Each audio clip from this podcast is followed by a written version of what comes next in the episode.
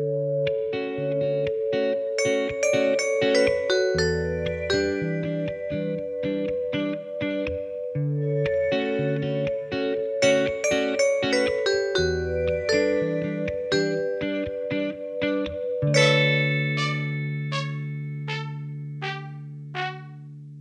og velkommen til Trans-Norge, en podkast om transpersoner. Lagd av PKI Norge, pasientorganisasjonen for kjønnsinkongruens. Hva gjør man når man står midt i utredninga på Rikshospitalet og finner ut at man ikke trenger kjønnsbekreftende behandling allikevel? Hvordan er det å fortelle sine omgivelser at man vil detransisjonere? Og hvordan blir man mottatt i det norske transmiljøet om man velger å detransisjonere? Jeg heter Luka Dalen Espeseth, og dette er noen av spørsmålene du skal få svar på i dagens episode av Trans-Norge.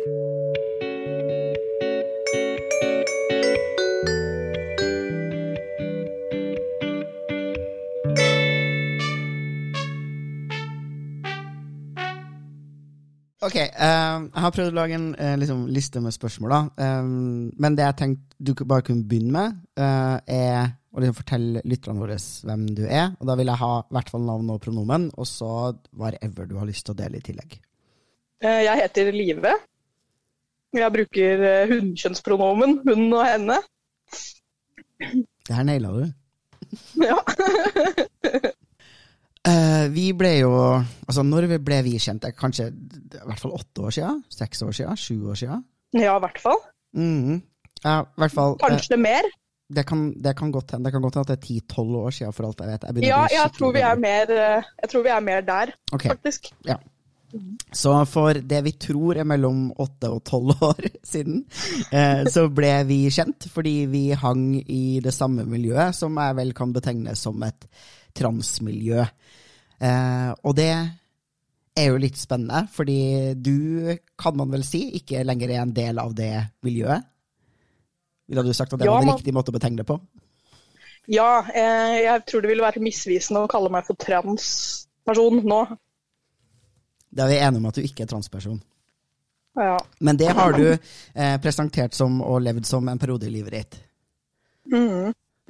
Kan ikke du fortelle bare litt sånn fritt om det? Eller vil du ha mer spesifikke spørsmål, for jeg kan komme opp med det òg. Ja, Øh, nei, altså Det var jo liksom en årsperiode fra jeg var 14-15 til 1920.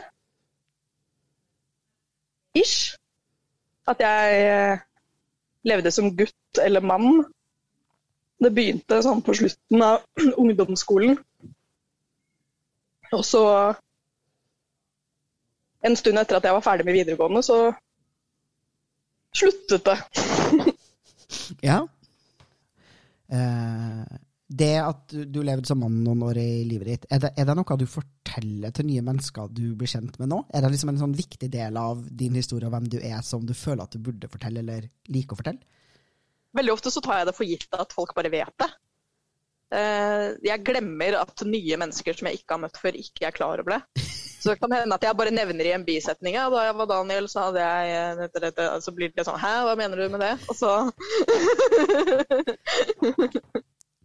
Ja, Hvordan forklarer du det til folk? Eh, er, det, er det sånn, er folk åpne og Eh, Det er noen virker som de ikke Eller som regel så virker det som folk ikke skjønner greia helt. Altså de, de skjønner ikke alvoret i det, på en måte. De tror at jeg kanskje bare At det jeg sier, bare betyr betydde at jeg hadde på meg bukse og skjorte et par uker, og det var det.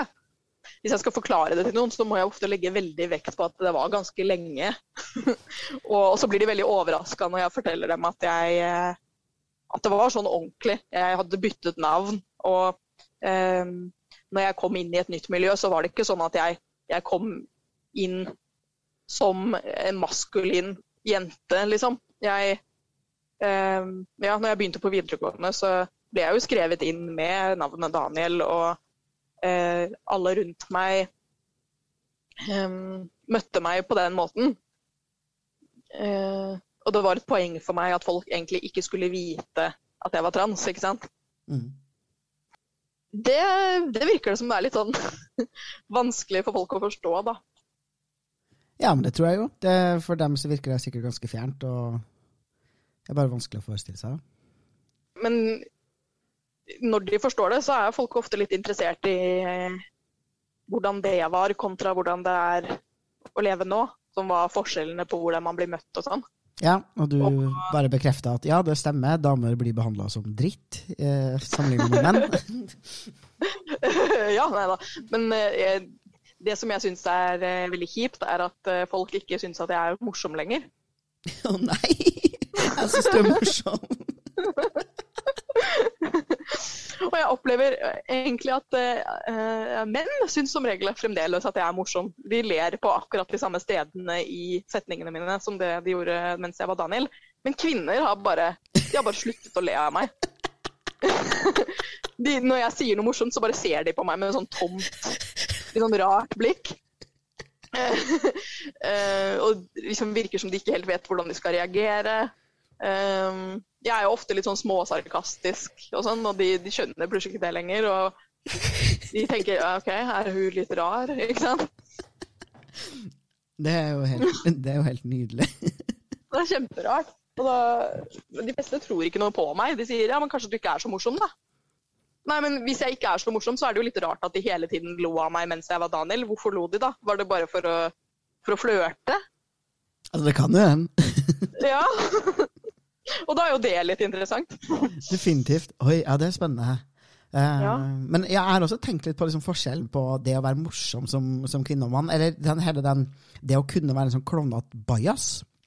Det føler jeg at er noe som voksne kvinner ikke får lov til. Uh, Ja. Barnekvinner, skulle du si, altså jenter som vi ofte kaller dem, de får sånn lov til å være klassens klovn og, og bajas, men det er veldig forventa av, av jenter at det skal de vokse av seg. Mens voksne Ja. menn kan liksom bli tatt dødt, dødsseriøst på møter, og likevel være en sånn bias-klovn som er sånn her i seriøst forretningsmøte i dress, og så etterpå dra en sånn prompevits og liksom eh, tøyse litt med brusflaskene, og så ler folk. Så blir er sånn, fy faen, det der kunne damer aldri gjort, liksom. Nei, folk ville bare sett rart på deg. Men uh, jeg, jeg føler liksom at hvis jeg er morsom blant menn, så tenker de litt sånn Oi, så forfriskende. Ja, ja. Mens kvinner blir de blir nesten litt fornærma. Slutt å være artig. Ja, ikke være artig og pen. Det orker vi ikke. Ja, hvorfor holder du på sånn? Herlig. Er du, er du komfortabel med å svare på spørsmål om eventuell kjønnsbekreftende behandling og sånn? Mm. Ja, da er spørsmålet som følger. Uh, I den perioden hvor du levde og presenterte som gutt eller mann, gjennomgikk du noen gang noe kjønnsbekreftende behandling? Nei, jeg gjorde ikke det. Og det, det er egentlig litt rart å tenke på, fordi det var jo et lite knippe med år. Men eh, jeg gikk jo gjennom Rikshospitalet, og det tar jo litt tid. Ja, tror du eh, Hvis tilgangen på kjønnsbekreftende behandling hadde vært enklere, tror du da at du ville ha, eh, ha tatt imot noe behandling av noe slag?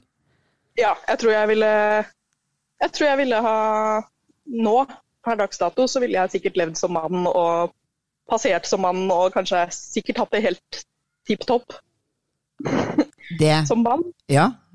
Eh, det er spennende. Du tenker, altså du lever ikke som mann i dag, du lever som kvinne. Eh, men du tenker at hvis du hadde for eksempel begynt på testosteron eller blitt lest som mann av andre, så ville du hatt det helt ok med å leve som mann? Ja, jeg tror, eh, jeg tror egentlig aldri jeg ville funnet ut at det på en måte var feil.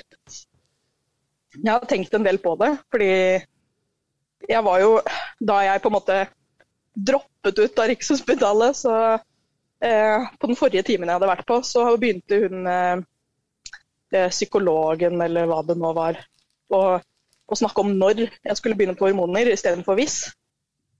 Det husker jeg var veldig eh, veldig fint. For jeg hadde jo veldig mye angst i forbindelse med om kanskje jeg ikke, ikke kom til å få behandling, ikke sant. Den neste timen var en sånn eh, Jeg tror det var sånn der utredningstime, eller jeg skulle liksom få, enten få eller ikke få diagnosen transseksualisme. Og så plutselig så stoppet alle togene i hele Norge. Så jeg var i Moss og skulle ta toget, men så bare gikk ikke togene den dagen. Så jeg måtte dra hjem igjen, da. Du rett og slett fikk ikke hoppa på det legendariske transtoget? Uh, og, så, og så ble det til at jeg, jeg måtte liksom ringe for å bestille en ny time, og så bare utsatte jeg det. Jeg vet ikke helt hvorfor, men uh, jeg begynte å komme inn i en sånn her tenkeboble hvor jeg begynte å forestille meg selv hvordan det ville være å leve som kvinne da. Og begynte å få sånne parallelle bilder inn i hodet mitt, hvor alt jeg gjorde, hadde jeg et sånt bilde eller video i hodet av at jeg gjorde det eh, i kjole og sånn. Ja. Eh, og så og så bestilte jeg aldri en ny time. Og så til slutt så fikk jeg et brev, jeg tror det var over et år senere, så fikk jeg et brev om at eh, jeg, eh, jeg var skrevet ut, på en måte. Siden jeg ikke hadde møtt opp. Og de var ikke engang interessert i å høre hvordan det gikk med deg, eller hva du tenkte og Nei. følte rundt eget skjønn. Nei, det er spennende. De er jo omsorgsfull gjeng. Og det bringer meg inn på også et spørsmål som jeg tenker at det er veldig relevant, fordi du har jo vært på utredning på Riksen. Hvordan opplever du at den utredninga var, med tanke på Altså, Hjalp den deg å utforske identitet? Gjorde den deg sikrere på hva som var riktig valg? Fant du liksom mer ut av hva som var riktig for deg? Eh, og var det en verdi at den utredninga varte skikkelig lenge, eller tenker du at I don't know, hva tenker du om det? Jeg syns det var litt rart, egentlig. fordi at eh, man tenker jo at hvis en utredning varer veldig lenge, så er den sikkert også veldig grundig. Men den var jo ikke det. Den var jo bare varte veldig lenge. Men den var jo ikke veldig grundig eller noe annet sånt. Det var jo ingen måte de kunne bli kjent med meg på, eller hjelpe meg å bli kjent med meg selv på. Fordi det var veldig lite. Um, det var Hvis det var time én gang i året, da, så varte den timen fem, minutter, fem til ti minutter, ikke sant? Det var jo ingenting som skjedde, på en måte. Jeg vet ikke helt om det er sånn det var meningen at det skulle være, om det var det som var tiltenkt. Men I, altså, jeg kunne jo komme inn dit innom etter et år med ventetid, og så var det, var det bare en person som snakket i ti minutter, og så var timen over. Ja, altså min genuine opplevelse av Rikshospitalet er at altså eh, deres måte å prøve å få oss til å reflektere over hva som er riktig livsvalg for oss, er definitivt ikke å reflektere sammen med oss, det er bare å utsette oss for veldig lang ventetid, og så krysse fingrene for at vi tenker eh, over livsvalgene våre på egen hånd, og så tror jeg de håper på at det skal skje et eller annet i livet vårt som gjør at vi finner ut at vi ikke er trans da, allikevel, eller at vi ikke skal gjennomgå noe medisinsk behandling. Ehm, for jeg har aldri hørt om noen som liksom har kommet på Rikshospitalet, verken folk som liksom er trans, eller som har funnet ut at de ikke er trans, eh, som har liksom tenkt sånn, at det var veldig godt at jeg fikk liksom snakka med Rikshospitalet og reflektert sammen med Rikshospitalet, for da fant jeg ut hvem jeg virkelig var. og De har så utrolig nyansert forståelse av kjønn, så de klarer jo å snakke om liksom forskjellen på kjønnsidentitet og kjønnsroller og forventninger og e- egen identitet og hvordan man leses av andre og sånn. Eh, det har jeg aldri hørt noen si. liksom. Nei, eh, jeg opplevde vel ikke egentlig det, jeg heller. Jeg fikk vel litt informasjon, og så var det Det rareste møtet jeg hadde, var, eh, var når jeg kom eh, og satt på venterommet, og så skulle jeg bli henta inn til time. Og så var jeg vant til at når jeg ble henta, så, så ble jeg ofte hilst på først. Og så gikk personen som skulle hente meg, vekk for å printe ut et eller annet, og så kom tilbake igjen. Sånn at uh, når jeg ble hilst på, på venterommet, så tok jeg det bare for gitt at det var det som skjedde òg, så jeg reiste meg ikke da. Og så gikk hun, og så litt senere så kom hun tilbake igjen, og da når vi kom inn på rommet, så var det det at jeg ikke hadde reist meg og blitt med på kontoret, da, det var et tegn på at jeg var emosjonelt umoden og måtte eh, søke meg inn på DPS og gå dit eh, noen måneder først. Og det var ingen, Jeg hadde ikke sagt noen ting, vi hadde aldri snakka sammen før. Det var bare, Alt var basert på inntrykk, førsteinntrykket på venterommet. Ja. Ja, så det, altså, alt med det er helt priceless. Det der er, det er dårlig psykologarbeid. Og også veldig artig at det er sånn Og du kan jo ikke være trans hvis du er emosjonelt lite moden samtidig. Det syns jeg også For det, da ja.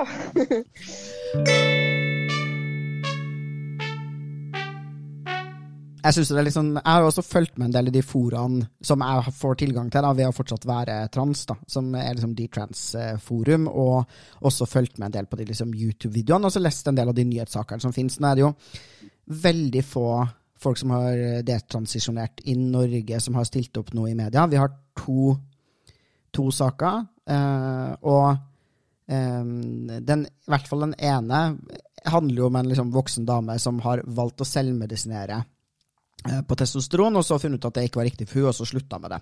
Det jeg skulle si, da, eh, som jeg syns har vært litt spennende med noen av de liksom, historiene om folk som har detransisjonert, er at de aldri har vært innom noe behandlingssystem, og veldig mange av dem har selvmedisinert, eh, nettopp fordi også eh, de vet da at behandlingssystemet tar lang tid og er tregt. Så har folk valgt å selvmedisinere. Og så i, etterkant så snakker man eh, veldig sånn eh, aktverdig om denne gatekeeping-modellen. Man sier at det er veldig viktig at det tar lang tid, og som du også nevnte i stad, at det er sånn mange folk på de, med sånn D-trans-historie som snakker om at de skulle ønske at noen stoppa dem på et eller annet tidspunkt fra å ta det her dårlige valget. Og veldig mange virker som de tenker at løsningen for dem og andre som har det på samme måte, ville ha vært mer gatekeeping, og at utredning og sånn tok lengre tid. Eh, nå har jo du allerede sagt at du ikke har noe sånn særlig tiltro til den utredninga på Rikshospitalet, men hva tenker du at ville faktisk vært til hjelp for deg, og eventuelt andre som har det på lignende måter? Hva ville vært et godt behandlingssystem som ville gitt både meg tilgang til den behandlinga jeg trenger, og ville gitt deg det du trenger? Det er faktisk skikkelig vanskelig å si for meg, men eh, en ting som garantert hadde vært fint, hadde jo vært at eh, det var litt flere folk eh, der. At ikke det var tre mennesker i hele Norge, eh, og, og man måtte vente ett år mellom hver gang man snakket, eh, eller ble snakket med av dem i fem minutter. Det kunne kanskje, istedenfor å ta så kjempelang tid, så kanskje det kunne vært litt mer tid, da. At man hadde litt lengre timer og litt oftere timer og litt mer ordentlig utforskning og samtaler. Og så tror jeg, for min del i hvert fall, at all den der angsten for å ikke slippe gjennom å få behandling, den skygget kanskje litt for utforskning og tanker. Jeg ble bare veldig, veldig fokusert på hvordan jeg skulle presentere meg, på en måte. Istedenfor å se innover, da. Det ble bare veldig, veldig mye angst. Eller jeg har en idé om da, at et behandlingstilbud mest av alt burde liksom inneholdt eh, ordentlig refleksjon, da, og kanskje fortrinnsvis faktisk med transfolk, og også de-transfolk. Altså folk som bare har en annen erfaring med å være ekstremt normbrytende når det kommer til kjønn. Da. Jeg tror også det kunne vært kjempefordelaktig for folk å, å få møte folk som bare er veldig eh, maskuline cis-damer og veldig feminine cis-menn. Liksom. Bare for å se og, og, snakke med folk som kan fortelle hvordan det er. Okay, hvor mye diskriminering møter du? Eh, hva er fordelene og ulempene? Og så tror jeg at denne gatekeepinga til Rikshospitalet må vekk. da. Altså at det, som du sier, du ble mer fokusert på å prøve å passere, altså passere og, og, bestå testen deres enn du ble opptatt av å prøve å finne ut av hvem du var, og hva som var riktig for deg. liksom. Altså Jeg tenker at uh, det, skjønn er ganske komplisert, og det er ganske vanskelig å ha en god og nyansert samtale om hva en identitet faktisk er, da, og hva som er de helt sånn reelle, både sosiale og medisinske konsekvensene av eh, å transisjonere, både medisinsk og sosialt. da. Og jeg, mm. jeg, føler jo heller ikke at noen på Riksopptalet noensinne hadde en fornuftig samtale med meg om kjønn. Altså, fornuftige samtaler om kjønn har jeg stort sett hatt med transfolk. Eh, ja. det, er liksom, det er en gjeng som har tenkt over de tingene her, og som kan svare på spørsmål om hvordan det føles da å bli lest som ett kjønn eller et annet kjønn, og hvordan kjønnsbekreftende behandling er, og hva som er fordelene og ulempene med ting. Um, ja, det er faktisk en ting som jeg har tenkt litt på. fordi det tok veldig lang tid før jeg egentlig møtte noen andre transfolk. Uh, jeg, levde, jeg levde som en gutt veldig, veldig lenge uten å nesten ha kontakt med noen andre. Og så var det sånn her møte i Moss en eller annen gang. Det var veldig rart for meg å møte masse andre folk i samme situasjon. Men jeg husker at etter det så følte jeg meg mye mer avslappa. Litt sånn Ja, spesielt altså, samtaler om alt mulig rart og, og sex, liksom. Til og med. At jeg fikk en følelse av at oi, det, det fins håp på en måte for at uh, livet mitt kan bli litt bedre etter hvert. Og jeg følte mer mer avslappa rundt at det tok litt lang tid også, da. Det er to ting som jeg synes er interessant da, med de her historiene om folk som detransisjonerer. Og Det ene er at uh, det er flere som framstiller som om transmiljøet um, har hatt en tydelig normativ forventning om at man skal gjennomgå kjønnsbekreftende behandling. Jeg har lyst på din take på det.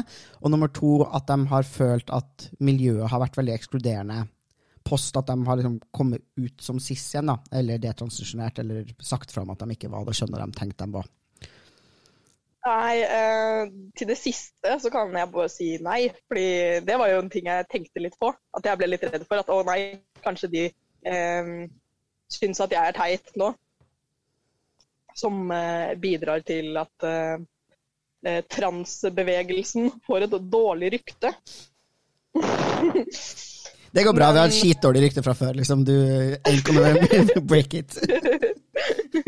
Men det opplevde jeg ikke. Det var veldig sånn Å, du er jammen modig og tøff og, og sånn. Jeg fikk veldig mye eh, Hva skal jeg kalle det?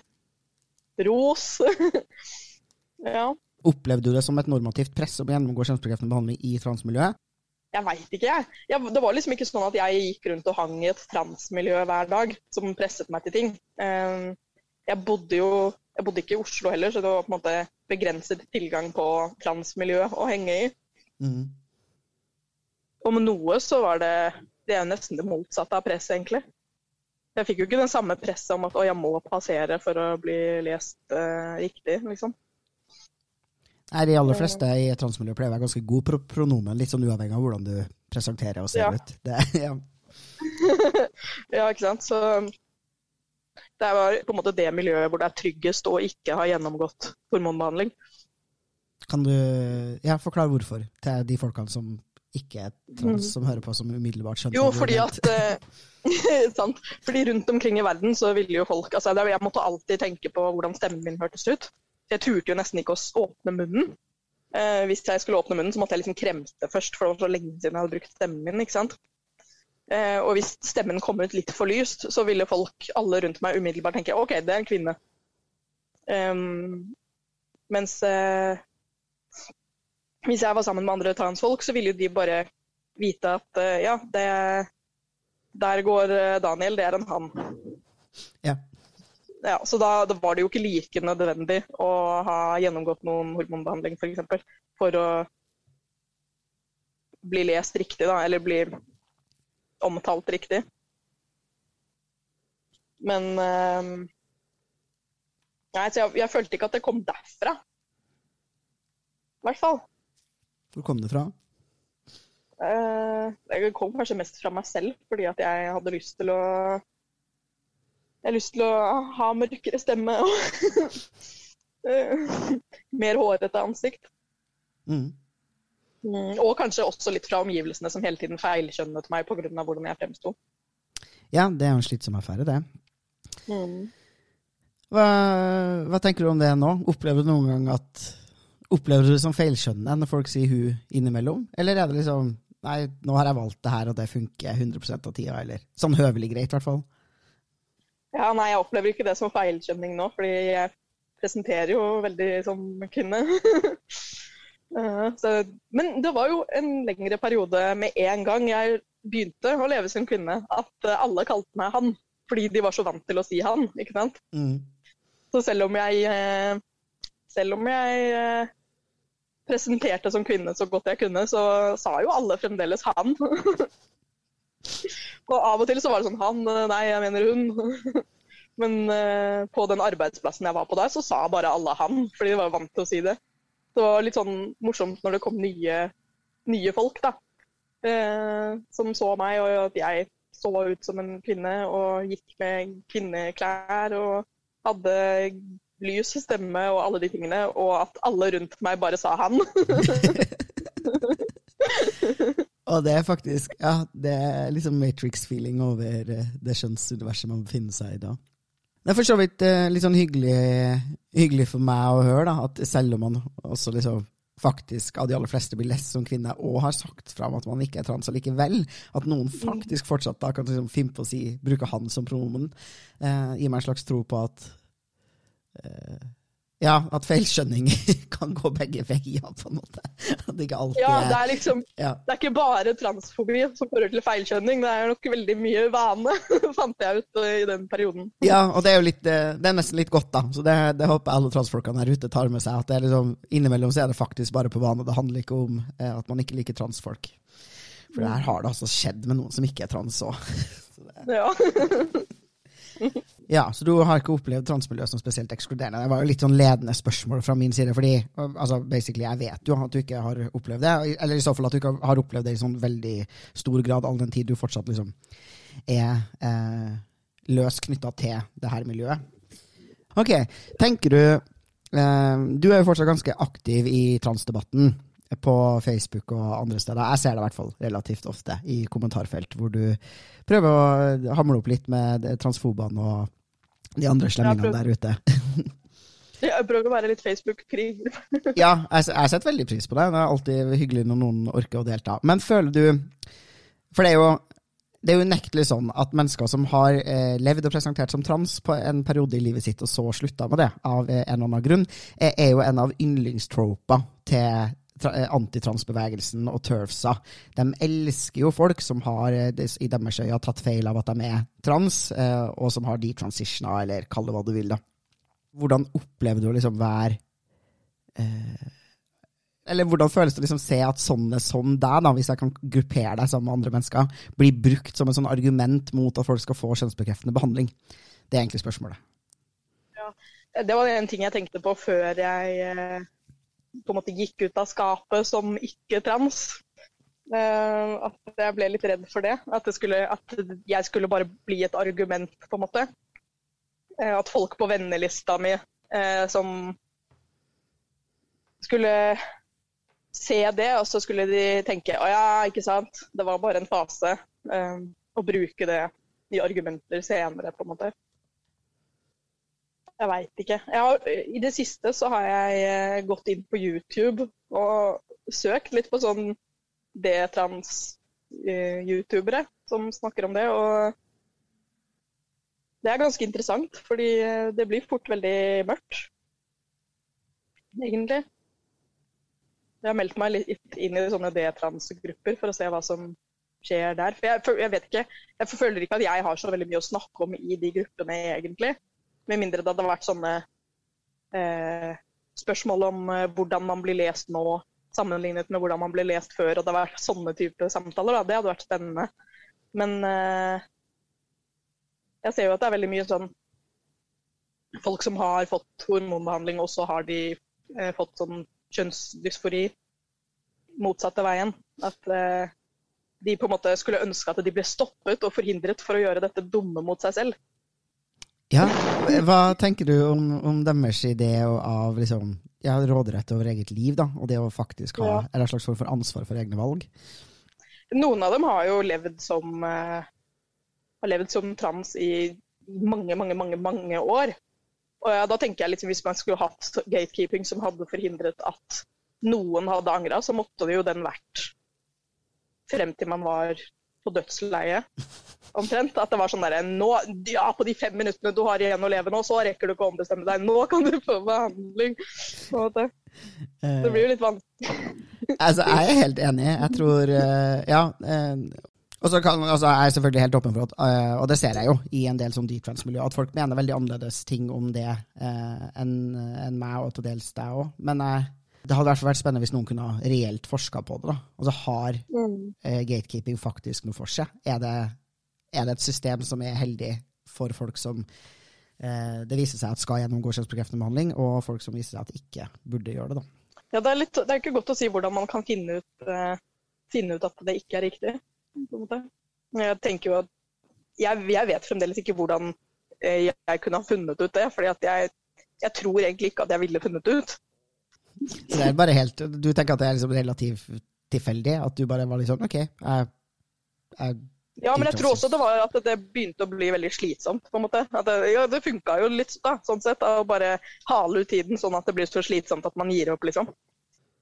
Ja. Jeg tenkte jo ofte sånn, hvis jeg, hadde, hvis jeg nå hadde Eh, hadde gått på testosteron en stund og jeg hadde gjort sånn eh, eh, toppkirurgi, så, så, ville jeg kunne fortsette. Men jeg orker liksom ikke mer nå av å gå rundt og prøve å bli lest som mann hele tiden.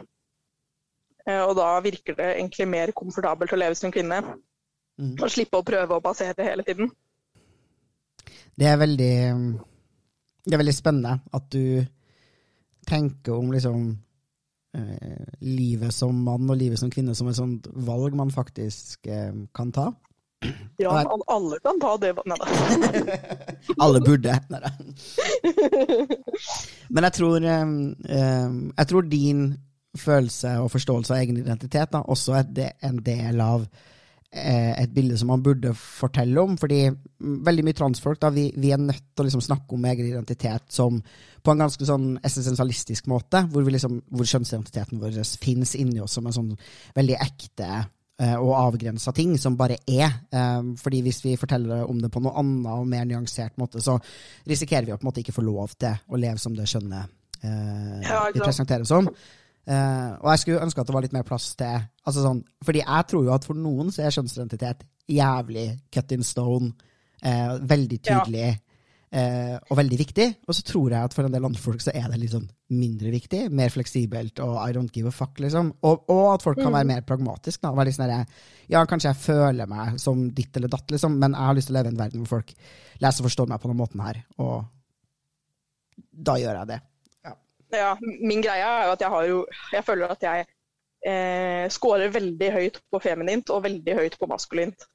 Sånn at eh, jeg har veldig, veldig sterke feminine og veldig sterke maskuline krefter i meg.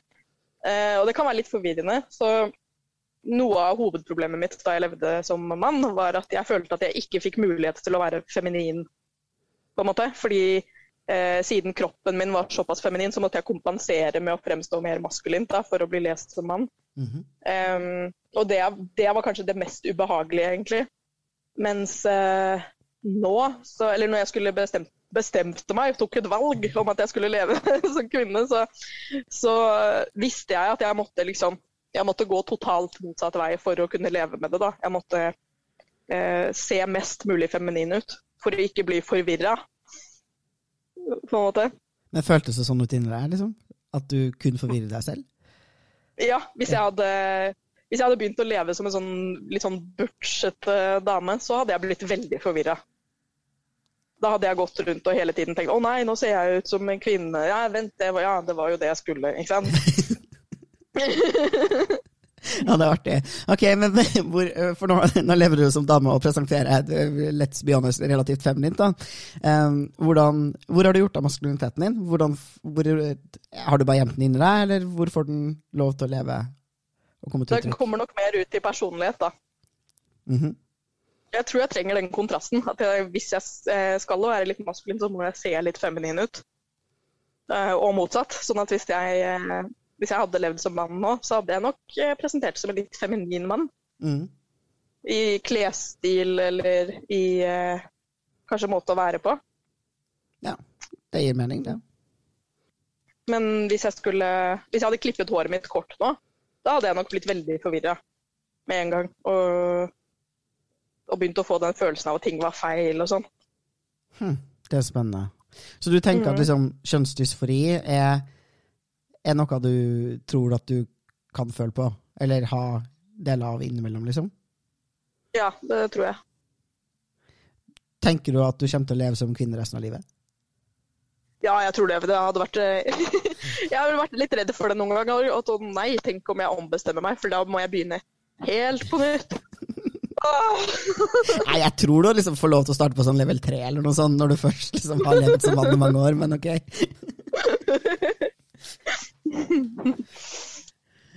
Ja, ok. Ja, nei, men, øh, og, men det gjør deg faktisk liksom reelt redd, eller er tenker du sånn Ja ja, hvis det skjer, så skjer det, liksom. Nei, Jeg syns, faktisk det er litt skummelt. Men ehm, Og jeg, det er noe jeg har gått rundt og tenkt mye på, spesielt fordi jeg er jo veldig glad i damer. Mm. Og eh, det er jo litt sånn at hvis man er eh, hvis man er en dame som liker damer, så kan det jo være litt vanskeligere å finne andre damer enn hvis man er en mann. Det er jo en sånn tema, og det er alle de lesbene som eh, Som Ja. blir borte, på en måte. Ja, bortsett fra at jeg tenker at i det, i det resonnementet så legger du til grunn at det, det er lettere for cis-menn å finne damer. Eh, jeg tenker jo at det å være en lesbisk cis-dame du, jeg, jeg tror ikke du har tilgang på så veldig mye færre kvinner enn det du har som en heterofil eller bifil transfyr, da. Nei, ikke sant. Det er For noe med det, ja, for det, uh, det finnes ganske mye damer her ute som ikke er interessert i å ligge med meg, fordi de har noen genitale preferanser som uh, ikke åpner for, eh, for min kropp, da. Så det ikke, der har du ikke noe å vinne, altså. Det må jeg bare si. Jeg tror du har greit draget nå, vil jeg tro. Ja, det kan hende. Neida, men det er jo en sånn tankeeksperiment man eh, sikkert kan gå i, spesielt hvis man er litt sånn maskulin lesbe. Sånn, hvordan ville det vært hvis jeg var mann? Men man, det er jo kanskje ikke så vanskelig å finne ut at det er Jeg har prøvd å tenke litt på det sjøl, fordi jeg presenterte jo og levde som lesbisk i liksom, hva da, ti eller elleve år før jeg, Ja. før jeg kom ut som mann. Og jeg var jo i hvert fall delvis Hadde du mer i draget da? Eh, altså både ja og nei. Eh, jeg har jo en veldig uheldig preferanse i kvinner å ha som mann. Jeg syns jo eh, butche damer er veldig sexy, så jeg jo, jeg blir jo veldig ofte tiltrukket av kvinner som er lesbisk, så jeg er jo fucked, på en måte. De vil jo ikke ha det Ja, lenger. jeg føler at jeg har det problemet at jeg er for eh, feminin for, eh, for lesbiske. At de, de skjønner ikke at jeg er interessert i damer, selv om jeg sier det. Det virker som de tror at jeg lyver, liksom. Ja, det er skiperen. Seksualitet er altså, Jeg skjønner seksualitet i når man skal på liksom, sjekke og datingarena, henger unektelig sammen på en sånn intrikat og litt merkelig måte. Um, men ja, jo, jeg tror jo Jeg, jeg kan se for meg det. altså Jeg husker det fra, også fra jeg var ganske liten, og jeg tror at en del liksom, cis-kvinner kan ha hatt det sånn som barn og ungdom, spesielt hvis man er eh, skeiv på en annen måte, eller eh, har en maskulinitet enten i uttrykk eller i personlighet da, som fins. At man liksom tenker på sånn herregud, hvis jeg hadde vært mann, så ville livet vært mye enklere, fordi man får Altså, man ser på menn da, de privilegiene menn har, eh, med en slags liksom, misunnelse. Der kan du gå og leie jentekjæresten din, og ingen le på et øyelokk, og du kan sjekke opp alle damer på en bar, og du kan liksom veldig mange ting. Eh, men jeg tror jo Jeg håper jo at folk forstår at eh, hvis du transisjonerer, så blir du jo ikke cis. Eh, du vil jo for alltid Nei. være trans, liksom. Og det er i utgangspunktet ikke så veldig fordelaktig. Du kan ikke sjekke opp alle damene på en bar, og eh, det stigma og diskrimineringa du møter som trans, da, den er større, rett og slett, i hvert fall i Norge, enn det stigma og diskrimineringa du møter som lesbisk eller homo. da. Eh, Ja, ikke sant? men hvordan man skulle tenkt rundt det på en veldig fornuftig måte. Jeg vet ikke jeg synes, jeg vet ikke om du hører på podcasten, men jeg og Alexander har en sånn episode som handler om eh, transmenn og maskulinitet, hvor jeg syns vi har sånn, en helt sånn OK samtale om hva man burde tenke over. da. Sånn, Burde du transisjonere hvis du faktisk syns det er høvelig ålreit å bli lest som dame, og det ikke er helt krise, og eh, du føler tilknytning til et lesbisk miljø og syns det er ganske kult å være lesbisk, da. Kanskje du bare skal la være. Så kan du bare tenke at du er inni deg, liksom. Eh, basically. Ja. Det ble Ja. fortsatt, men ja. Den har jeg ikke hørt ennå. Nei, men eller sånn, jeg tenker at altså, din indre din indre følelse og opplevelse av kjønn da, er ofte mer komplekst enn det du klarer å uttrykke til omverdenen. Til omverdenen så vil du sannsynligvis bli lest som kvinne eller mann. Du kan kanskje klare å bli lest som liksom, skeiv eller litt normbrytende. De aller færreste vil oppleve å klare å liksom, bli lest som ikke-binær, for eksempel, fordi folk bare har no concept of the concept. Uh, og det er jo mye mer forenkla bokser enn en din faktiske følelse av identitet. Den vil jo være mer kompleks og nyansert og kanskje variere litt mer over tid. Eh, og vi tar jo aktive valg for hvordan vi uttrykker oss. Så det går an å velge noe annet da, enn å liksom, alltid leve 100% i tråd med egen identitet. Du kan også velge det. for sånn Det her er praktisk, det er lett tilgjengelig, det krever eh, mindre av meg in terms of tid, krefter, behandling, eh, kjøp nye klær. Altså alle de de utfordringene som finnes da, ved å transisjonere eller ikke transisjonere. Eh, og så kan man bare velge ja, ok, greit, da lever jeg som en kjempebutch lesbe, da. Og så kanskje jeg sier til et par av kjærestene mine at min identitet er nok faktisk liksom ikke-binær eller nærmere mann. da. Eh, Men jeg bare jeg gidder ikke å make the effort for å faktisk presentere som mann. Jeg presenterer sånn som det her, og så får folk lese meg sånn som de leser meg. liksom. Jeg gidder ikke. Ja, ikke sant? For det er noe med Man kan f.eks. ønske Skulle ønske at man var en mann, men eh, man har ikke lyst til å være en transmann. Ja, basically. mm. Så siden man ikke kan bli en cis-mann, så er det bedre å bare leve som en dame. Ja, jeg tror det kan være riktig for noen. Altså, Mm. jeg er i hvert fall åpen for at identitet ikke er en så eh, avskåren og eh, ess essensiell del da, av folk som bare eksisterer, liksom, og at vi alle sammen er nødt til å leve i tråd med den til enhver tid. At den må uttrykkes alltid, gjennom alt vi gjør, hele tida. Ja, men det er jo sånn med andre ting også som har med identitet å gjøre. Jeg føler meg som en utadvendt person, men jeg presenterer som en sjenert person. Er det fordi du helst vil det, eller fordi det gir deg fordeler, eller Nei, det er fordi at jeg er, jeg er litt uh, engstelig sosialt, så da får jeg ikke ut den der utadvendte personligheten. Men inni deg der er det et rikt sosialt liv hvor du Jeg sitter og har veldig lyst til å være utadvendt. ja. ja, det gir mening, det.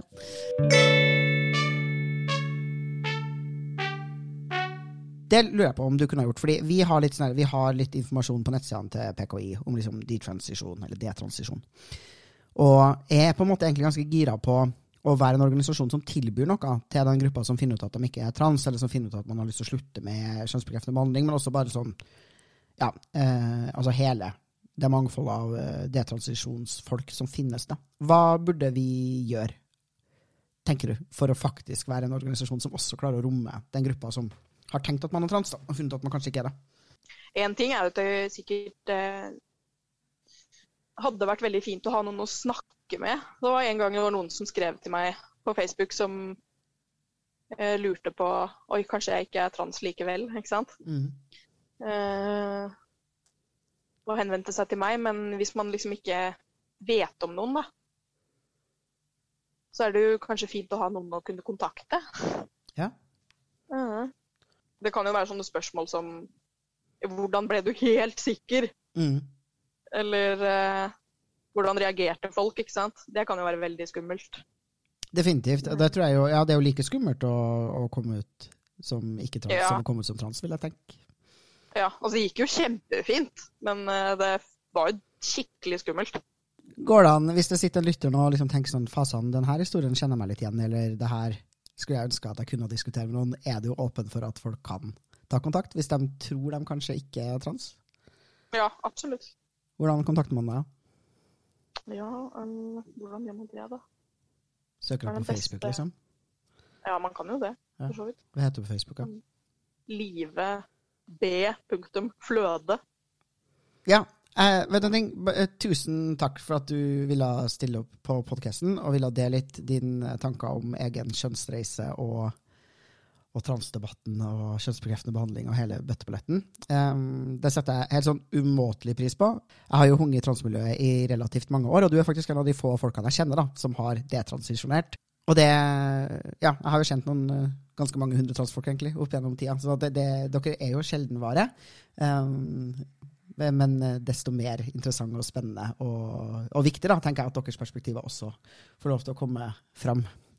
Så det eh, syns jeg var jævlig kult at du hadde lyst til å dele. Og så må du bare si ifra hvis du har lyst til å komme på podkasten og snakke om kjønn igjen.